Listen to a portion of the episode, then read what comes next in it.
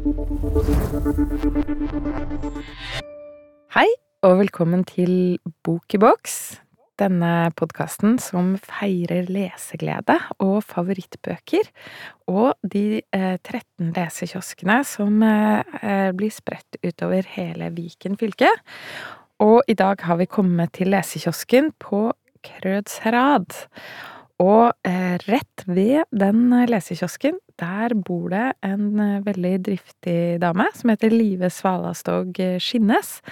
Hun er eh, gårdbruker på Skinnes gård, eh, men hun har også en bachelor i økonomi og master i entreprenørskap og innovasjon. Hun har jobbet eh, som prosjektleder for næringsutvikling på Balkan, og eh, nå driver hun skinnesgård eh, med store, hårete mål om å være en økologisk gård med, som drives også med biodynamiske prinsipper, og med 7000 mål skog.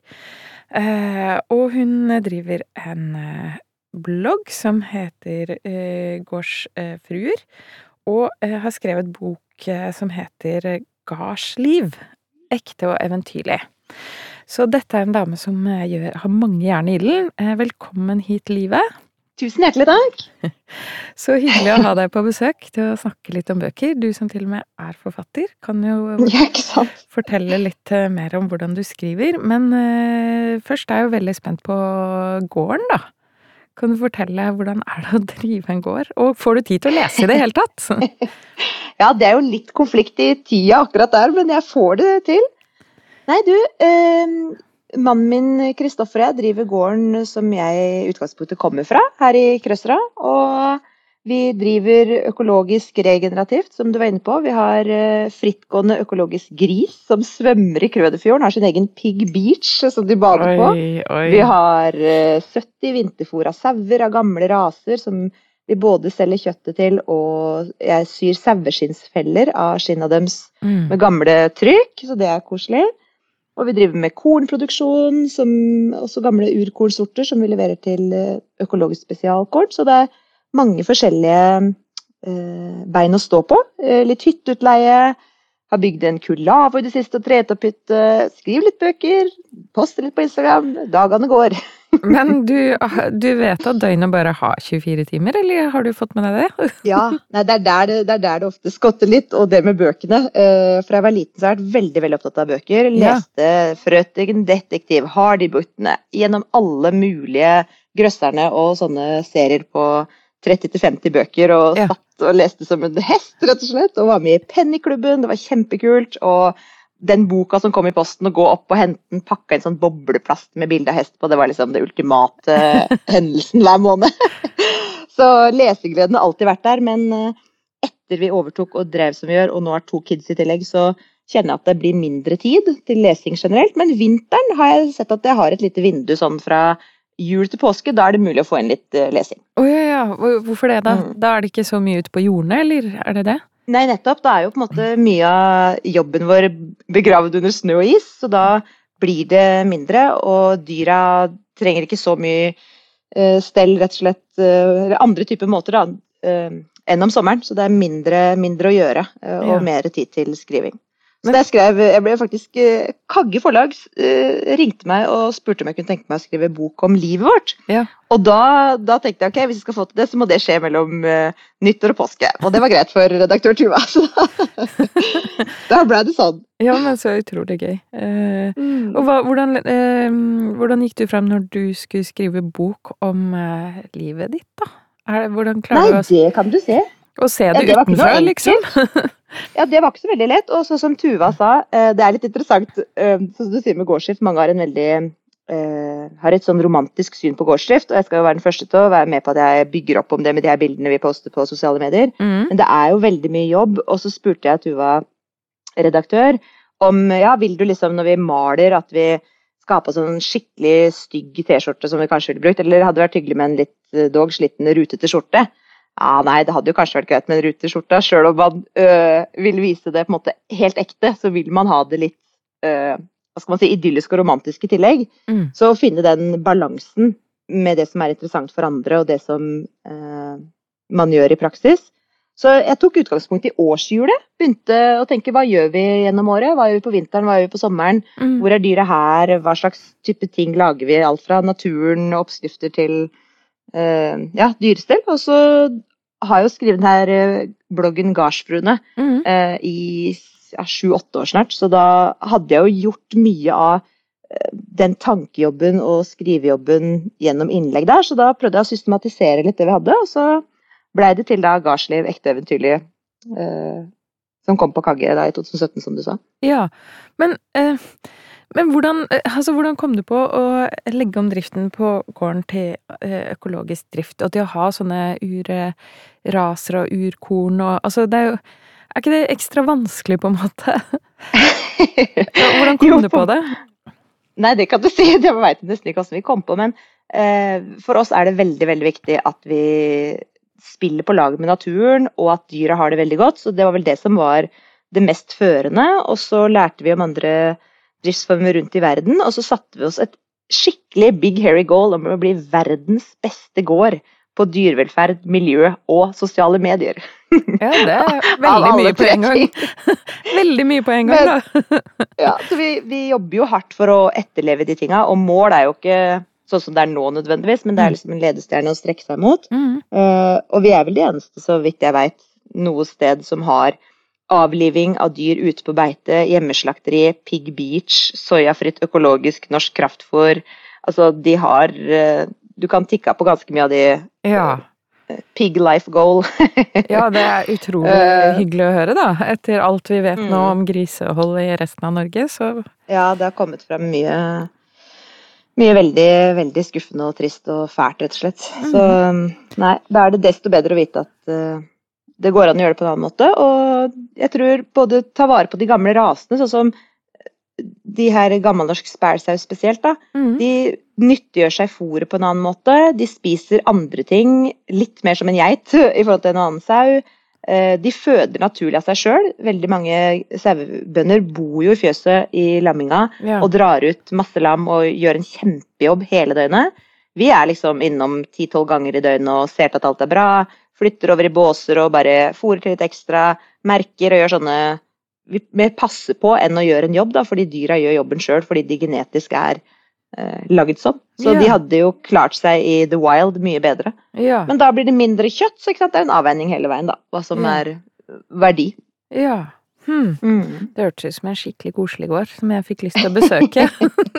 jeg kommer og besøker deg en dag. Ja, det må du gjøre. Um, men eh, hva, hva Kan du huske den første på en måte voksenboka du leste, da, som du tenkte ah, dette er boka. Mm. Ja, nå spør du godt. Det veit jeg nesten ikke hva jeg skal svare på. Jeg har lest veldig mye, som sagt, av serier og sånn, og den overgangen fra ungdom til voksen eh, Nei, det er et veldig vanskelig spørsmål. Jeg Husker nesten ikke hvem som var den første voksenboka jeg Nei. Men du husker veldig Ja. godt den boka du skal legge igjen i eh, lesekiosken. Ja! Alkymisten. For den må ha gjort veldig inntrykk på deg, da. Det er Paulo Coelho eh, som har skrevet den. Mm. Mm. Den er kjempefin. Det er en kort, liten bok. Sitter med den foran meg her nå. Mitt uh, eksemplar jeg har her er veldig slitt, for jeg har hatt den på en ti måneders backpack-reise rundt i Sør-Amerika. Jeg tror jeg har lest den tre ganger bare på den turen. Jeg tror jeg har lest den kanskje sånn fem-seks ganger til sammen. Og det er jo sånn med bøker at når man leser den én gang, så er man på ett sted i livet. Så tar man opp ti år etter, så opplever du den på en helt annen måte. Både for at du selvfølgelig har glemt ting, og at det er andre ting du tar til deg der og da.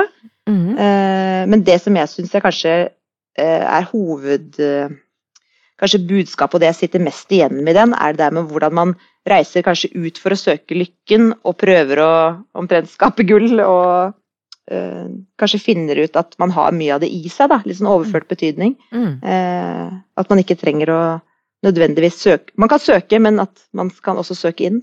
Ja, for det handler om en andalusisk eh, gjetergutt Mm. som heter Santiago, og han vil finne en av verdens største skatter. Mhm. Eh, Så han er jo drevet av litt eh, grådighet, da, og begjær, tror jeg. Absolutt. Og han begynner jo som gjeter, så der kan vi jo Det liker du. møtes på den. jeg kjenner igjen det livet hans med Nå er ikke jeg gjeter i skogen på samme måte som han som er på heiene, men det er jo litt uh, Mm. Ja. sauene. Så han drar, eh, han drar jo fra Spania til Tanger og gjennom eh, ørkenen i Egypt Mm. for å møte denne mystiske alkymisten, da. Mm.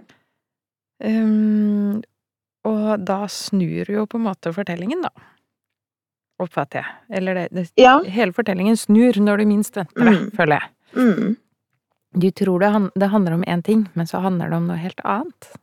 Ja, det, det er akkurat det. Og jeg tror det for mange folk når man er ute og søker etter noe, så veit man kanskje ikke nødvendigvis helt hva man søker etter. Man er litt blenda eh, Han eh, vil jo lage gull, som alkymisten lager, Ja. og livet med sauene er kanskje Han søker etter noe mer og søker etter noe mer, og alle mennesker kan jo i stor grad vil jeg tro, kjenne igjen den søken etter noe annet, søken ut, og ikke det med å være fornøyd i det man har, og, og alt det der. Og så tror man historien handler om han som skal ut og finne alkymisten, og så blir han stoppa. Livet tar han på en måte på veien, så han jobber for en glasshandler eh, som han har blitt kjent med, og mestrer nye kunstner, får til salg, opplever glede i det han får til. Ja, livet skjer han underveis, og det er egentlig sånn eh, Selv om historien er ganske real og grei, så er det så mye djupere ting eh, man kan ta ut fra det, da. Opplevde jeg i hvert fall. Mm. Og når han da etter hvert eh, søker videre, kommer til der hvor den faktiske alkymisten her har vært, på mange, brukt mange år på denne reisa og gjort mye forskjellig, lært seg mye forskjellig, så kommer han til alkymisten, og åssen han blir satt på prøve, og hva han gjør, og eh, han opplever det. da. Og lærer å stole på egen intuisjon og kommer tilbake igjen som lykkelig til det han hadde. Ja, det og finner ut at han hadde alt der. Ja, ikke sant? Men Mm. det er jo veldig ironisk at du leste denne mens du var på backpackertur. Var det, var det det som fikk deg til å reise hjem igjen? Ja, ellers hadde det ikke blitt i Sør-Amerika. Nei. Første gang Jeg føler at den har litt um, I eget liv eh, som, um, som 16-åring så var jeg utvekslingsstudent i Las Vegas. Av alle ting som man ikke ser for seg en typisk norsk bondejente har gjort. Men der bodde jeg et år, og det var veldig, veldig interessant. Ikke minst fordi at de jeg bodde hos var sånn griserik familie. altså Huset deres var på 1,2 mål i grunnflate over fire Oi. etasjer. De hadde ni bad, eh, elleve soverom. altså Det var helt sånn absurd, gigantisk og ekstravagant. Og når jeg var 16 år og kommer fra gården og var vant til måte bygda her i Norge, så var jo det veldig sånn blendende og wow, og Ja. dette må være lykken. Du trodde det var gullskatten da, kanskje? Ja, ikke sant? Trodde Ja. på en måte det. Og så kom jeg dit, og så opplevde jeg at det vi hadde her med felles måltider, kjærlighet til familien, åssen vi brydde oss om hverandre, åssen vi hadde det, telte ekstremt mye mer enn å ha egen TV på rommet og utgang og basseng, og at de tinga Ja. de, de er veldig eh, glory og flott noen måneder, og så skjønner du at det er ikke det her som gir lykken. Å ha opplevd det i en så ung alder, og Mm. virkelig kjent det på kroppen. og det var så sterkt. ja. Og kom hjem, husker jeg, og lukta på blomsten i kanten og begynte sånn å grine.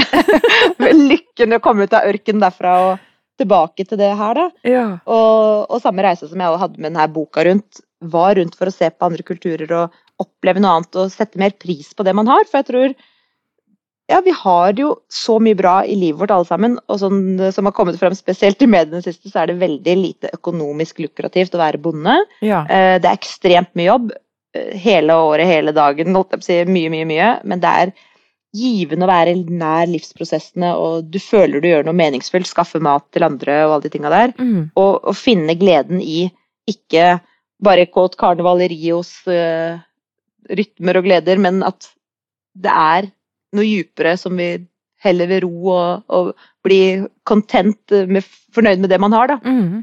Kan gi i større grad. Ja. Jeg tror det er det som har gjort at den her har snakka såpass til meg. Ja. Ja, det skjønner jeg, da. Da Mm. skjønner jeg det. Men det må jo også ha farget boka at du leste den i Sør-Amerika, som er så fargerikt, og den boka er jo også ganske sånn fargerik og har noe sånn eh, sydlandsk over seg, da. Mm, For meg veldig den stemningen med å stå under stjernehimmelen i ørkenen. Ja. Så det er sånne ting, sånne bilder, da, som er veldig sterke. Helt enig. Ja, og når du får det på en måte visuelt i tillegg der du er, det er helt klart veldig forsterkende effekt. Ja. Ja. Mm. ja, men så fint, da. Har du lest flere mm. bøker av, av Coelho? Jeg har det, og de snakker ikke til meg på langt nær på samme måten. Ja. Eh, nei, det kan ikke sammenlignes. Jeg har lest kanskje fire-fem av han. Alt fra hva heter de? Hun ene prostituerte, hva het hun igjen? Eh, Eh, Nei, nå spør du vanskelig. ja. ja, den Jeg har i hvert fall lest eh, flere av de og tenkte at Ja, for jeg tenkte nå, han må jo være min nye favorittforfatter. Ja. Og de snakka ikke til meg på langt nær på samme måten. Så det her var Det var den Ja. ene som traff hjertet ditt. mm, Men har du en favorittforfatter, da? Livet? Hmm. Har jeg en favorittforfatter? Det har jeg vel helt sikkert. Eller en som du bare må lese alle bøkene av og får noe ut Mm. av når du leser de? Ja, jeg har vel Ja, da vil jeg faktisk si Dan Brown. Ja. Han er en rockstar, altså. Jeg elsker Dan Brown. Mm. Han Ja, det burde jeg sagt høyt med en gang, men ja. Han syns jeg er helt fantastisk. Han skriver altså så levende og pirrende og spenningsfullt. Og så syns han er så dyktig på å ta inn eh, elementer fra eh, fakta og fra virkeligheten. Sånn som han skriver om ja, eh, åssen de går rundt i Roma og Vatikanet, så eh, beskriver han det ekte sånn som det er. Så du føler så at du er en del av hans eh, bilde, da. Ja. Nei, det er helt rått. Og åssen han i tillegg får deg til å sitte sånn, du klarer ikke å legge fra deg boka. Spennende. Ja. jeg har faktisk hørt en masterclass med han. Eh, siden jeg skriver en del sjøl, så har jeg hørt en masterclass eh, på den appen som heter Masterclass. Ja. Eh, 40 timer med han. Eller Oi. det er 30-40. Kjempespennende, hvor han lærer ikke sine teknikker direkte, da, men han gir mye, mye tips og en sånn skrivegreie. Så det det kan jeg anbefale alle. var vel... Ja, men kan du bruke det selv? Ja, ja, ja. Han forteller jo på en måte hvordan man bygger opp en historie. Hvis du kan skrive det på et år, prøv å skrive det på en dag. altså Hendelsen til å skje raskt. Og så Ja. du bygger inn tenning, ten, tension og sus, suspension, som man kaller det. Altså, Ja. Ja. Godt norsk ord for det. Spenningsoppbygging, egentlig. Mm. Og åssen han forankrer ting i virkeligheten. Åssen han har de motstridende personlighetene. Åssen han bruker andres perspektiv. At han kunne ha på seg ett sett fortellerbriller fra den personen han snakker fra akkurat i det kapitlet sitt ståsted. Ja. Så du på en måte får fram vinklinger på kule måter og Ja, veldig lærerikt og interessant. ja. Mm. Um, ja. Så du har lest alle bøkene hans, altså, eller? Ja, det tror jeg. Ja, Ja. tror jeg har. jeg tror kanskje Angels and Demons var den mest drivende. Ja. Ja. Men eh, du har en eh, bok som du ønsker å lese? Ja, og det var litt interessant, fordi eh, den heter Factfulness. Ja, den Ah, håper du at du finner inne i lesekiosken, da, på Krødsherad. Ja. Det håper jeg. Ja. Nå har jeg faktisk kjøpt den, så jeg har den liggende her uh, uh, i tillegg. Og det var, eh, det var en uh, sambygding som heter eh, Solveig Zeta, som la ut på Facebook at uh, denne boka anbefaler jeg alle. Ja. Og det handler om Den heter Ti knep som hjelper deg å forstå verden. Uh, og den handler om det, det, det er statistikk fra vel, Det er statistikk skrevet på en interessant måte om hvordan det er ekstremt mye færre kriger, færre som Mm. dør av sult, færre som Mm. uh, har det dårlig i verden i dag enn Ja. uh, historisk sett ever. Og grunnen til at vi oppfatter verden som den er i dag, er at mediene presenterer oss med absolutt alt. Ja. Så det er en slags motbør til medienes framstilling av verden Ja. basert i statistikk, som viser at dette her er vi, Det går tross alt ganske bra. Ja, ja, Og det er jo det er jo litt godt å få det eh, sånn faktamessig mm. ja, Steven Pinker har også skrevet en eh, bok som eh, handler en del om det, som heter Opplysning nå. Ja, og som vis, viser på en måte en del av det samme. Altså alt vi har klart, da. Vi har jo Ja. eh, bekjempet pandemier før, vi har utviklet legevitenskap, vi har eh, Ikke sant. eh, Det er færre kriger, det er færre som dør i barnefødsel. Altså det er så Mm. utrolig mange ting vi kan glede oss over da, som Mm. eh, menneskehet. Og så er det mange som prøver å fremstille Det er jo mange som tjener veldig gode penger da, på å Ja. lage mye katastrofer. Eller sant. løfte frem katastrofene. Fordi mediene skal jo få klikk, og vi klikker på ting Ikke som er katastrofe. Ikke sant. Og derfor har man godt av å kanskje få en sånn motbør, da, nettopp den boka du nevner her, og Factfulness, som da kan presentere det på en litt eh, ok måte at det går tross alt kjempemye bedre enn det vi får inntrykk av i vanlig dagspressen. Ja, og vi har jo Mm. som menneskehet ressursene til å løse veldig mange av de problemene vi står overfor. Det er jo ikke bare eh, klimakrise eh, og nå, nå må vi bare legge oss ned og holde hendene over hodet. Det er jo Ja, en faktisk. krise For det får kan man jo Ja, ikke sant? Ja, det kan man jo få inntrykk av noen ganger når man klikker seg inn på de her tabloide nyhetshistoriene. Ja, ikke sant. Og så har vi jo vi, vi har muligheter til å løse det her òg, for vi er ganske Mm. kreative folk, da. Det er akkurat det å bare vite at man har kommet gjennom ting før, og hvordan man løste ting, og teknologien som utvikler seg, hva kan man bruke for å løse visse problemer og Mm. Ja, nei, det er veldig, veldig interessant, og det er jo noe med å se optimismen og mulighetene eh, rundt seg eh, ved å fokusere litt på det, ikke bare hva som er vanskelig òg. Mm. Men hvordan Mm. oppfatter du eh, sånn klimaproblemer på din gård? Er det forskjell fra da du starta til nå, eksempel? Ja, det, det vil jeg absolutt si. Vi har jo tatt et kjempegrep innenfor det med klima og lagt om til noe som heter regenerativt. Og Mm. det er litt interessant, for en av de minst kommuniserte kjempeproblemene verden står overfor, er det med ørkenifisering. Ja. Og FN har sagt at innen 60 avlinger så kommer hovedmatbeltene rundt ekvator til å være sand. Ja. Det er altså så sjukt, hvis man tar det innover seg. Ja. Eh, og så er det da en metode som heter regenerativt landbruk, som gjør at du bygger jordstruktur, bygger jordliv, fruktbarhet, og får jorda til å leve igjen, for det er jo en biologisk eh, greie, alt dette her. Mm. Og reverserer det, da. Så det er vi en av de pionerene i Norge eh, på. Hva gjør dere Eh, da, da? Hva gjør dere for regenerativt jordbruk? Hva innebærer det konkret? Ja, ja, det er mange små, mange bekker små som gjør en stor å. Ja. Um, eh, en av de tinga er at vi sørger for å ha grønt eh, plantedekke, plante, eller underkulturdekkvekster som det heter, på jordene til enhver tid. Ja.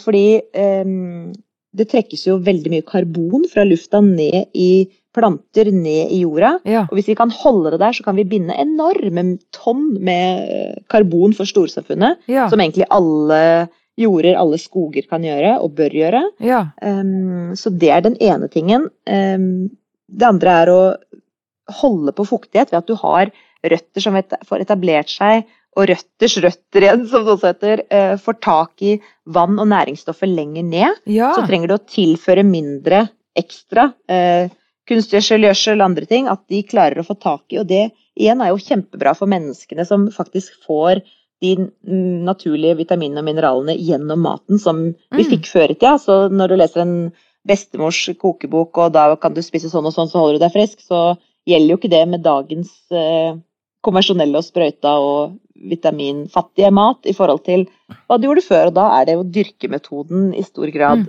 eh, som er det man må endre på. ja. Så vi prøver å ha et sånn derre kretsløp på gården, f.eks. Med, med grisen. da.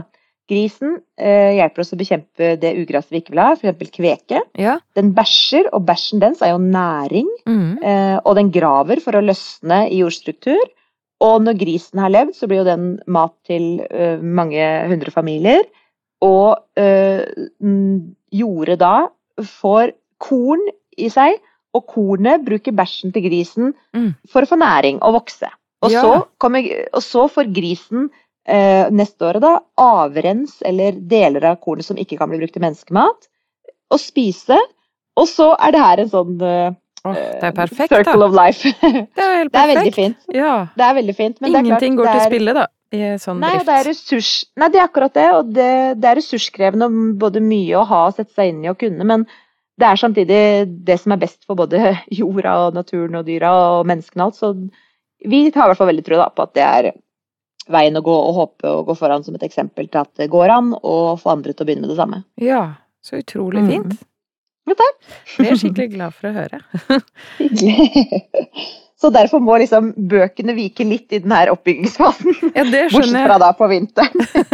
Ja, ja, Men men da må, da- du, da må du lage en stor stabel, da, i løpet av sommeren, som du bare Men vi har, en da, vi har en datter som begynte i første klasse nå i, i høst, og nå har de introdusert som heter sommerles på biblioteket. Ja. Hun kom hjem så lykkelig, lærte seg å lese det året her, og bare 'mamma, mamma, jeg skal delta på sommerles, registrer meg'. Og vi bare greit, og registrerer henne inn. Og hun satt og leste, jeg tror hun leste seks-sju bøker jeg, den Oi. første dagen. Oi. Og bare det var spennende. Jeg bare, Vi må gå litt gjennom hva du leste. Vi kan ikke bare pløye gjennom for å hake av på sommerles. Du må ha litt sånn innhold.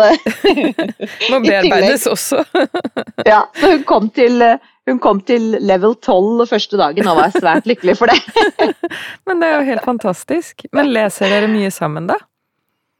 Ja, vi har alltid lest mye på, på senga om kvelden og sånne ting. Gjerne små Disney-bøker eller litt utdrag av de her litt lengre historiene. Og så er jeg ganske kreativ, så jeg finner på mye historie sjøl. Så jeg har oh, ja. lagd en egen historie om henne da, her på gården og alt som skjer. Så de har jeg fått illustrert noe av og tenker å gi ut etter hvert. Så oh, får vi så se. fantastisk. Så det syns hun er ekstra spennende da, når det handler om seg sjøl. Ja, ja, ja. Det er jo sånn Pippi Langstrømpe ble til, eller Harry Potter ble jo skrevet på den måten også. Ja, spennende. Når man sitter og snakker for sine egne barn, så er det veldig inspirerende. Kommer historiene. Ja. Mm, Så utrolig koselig. Ja, men det betyr Mm. at det er masse nede på biblioteket, da. Det er det. Eh, Hennes klasserom er faktisk vegg i vegg med eh, biblioteket, og jeg syns det biblioteket er skikkelig fint. Oversiktlig, ordentlig. Veldig dyktige folk som jobber der, og du får hjelp til det du trenger. Og har de ikke den boka, så får de sendt eh, fra et annet bibliotek, og ordentlig, ordentlig bra. Ja, Mm. det er Midt Buskerud bibliotekene filial Krøderen, stemmer det? Mhm, Ja. Stemmer. Men når du eh, kommer inn på biblioteket og ser etter bøker, hva er det som gjør at du blir pirret av en bok? Hva er det som eh, får deg til å ta den opp? Ja, det kommer litt an på hva jeg er ute etter. da. Noen ganger så er det jo research til ting, andre ganger så er det sånn sånn. Siden jeg skriver en del sjøl, så syns jeg det er interessant å vite hva som rører seg innenfor den sjangeren. Ja. Sånn som eh, for ungdom nå, da, sånn, hva slags fantasy og hva slags interesser de har innenfor det. Så det har vært veldig spennende da, å snakke med eh, både folk som jobber i bokhandel, hvis jeg skal kjøpe, eller låne på biblioteket og snakke med de som er eh, eh, bibliotekarer. Mm. Og rett og slett bli kjent med andre folks lesevaner og snakke med de og få råd. Sånn, jeg ikke vite, eller Som regel vet jeg ikke hva jeg skal når jeg kommer inn, men Mm. så får jeg spennende input og hjelp til å velge noe. og Det syns jeg er en veldig rik ting da, å kunne å gjøre. ja. Bøker er ikke Mm. bare noe man gjør aleine, det er jo en sosial ting, da. Ja, så hvis, så, som hvis, hvis du kommer inn og de sier den her er best lest av alle, er så populær og alle elsker den her, så blir du litt sånn oi, hvis så mange liker den, da må du være et eller annet ved den. Og det Ja. må jeg prøve. Ja. Mm. Ja, men så bra. Da må, Mm. eh, da må jeg bare anbefale alle å komme seg ned på Buskerud bibliotekene avdeling Mhm. Krøderen. Yes. Eller, eller Kjempeservice. Ja, eller sjekk, sjek ut lesekiosken på Krødsherad om de finner en Mhm. bok. Eller vil Mhm. legge igjen sin favorittbok. Eller plukke med seg Live Svalastog Skinnes eh, sin favorittbok, 'Alkymisten'. Mhm. eh, og for å eh, oppdage nye verdener, og kanskje oppdage at den verden man har, er ganske bra også. Tusen takk for at du kom, eh, Live. Det var kjempekoselig å snakke med deg. Tusen takk for at jeg fikk komme. Ha det bra. God bok.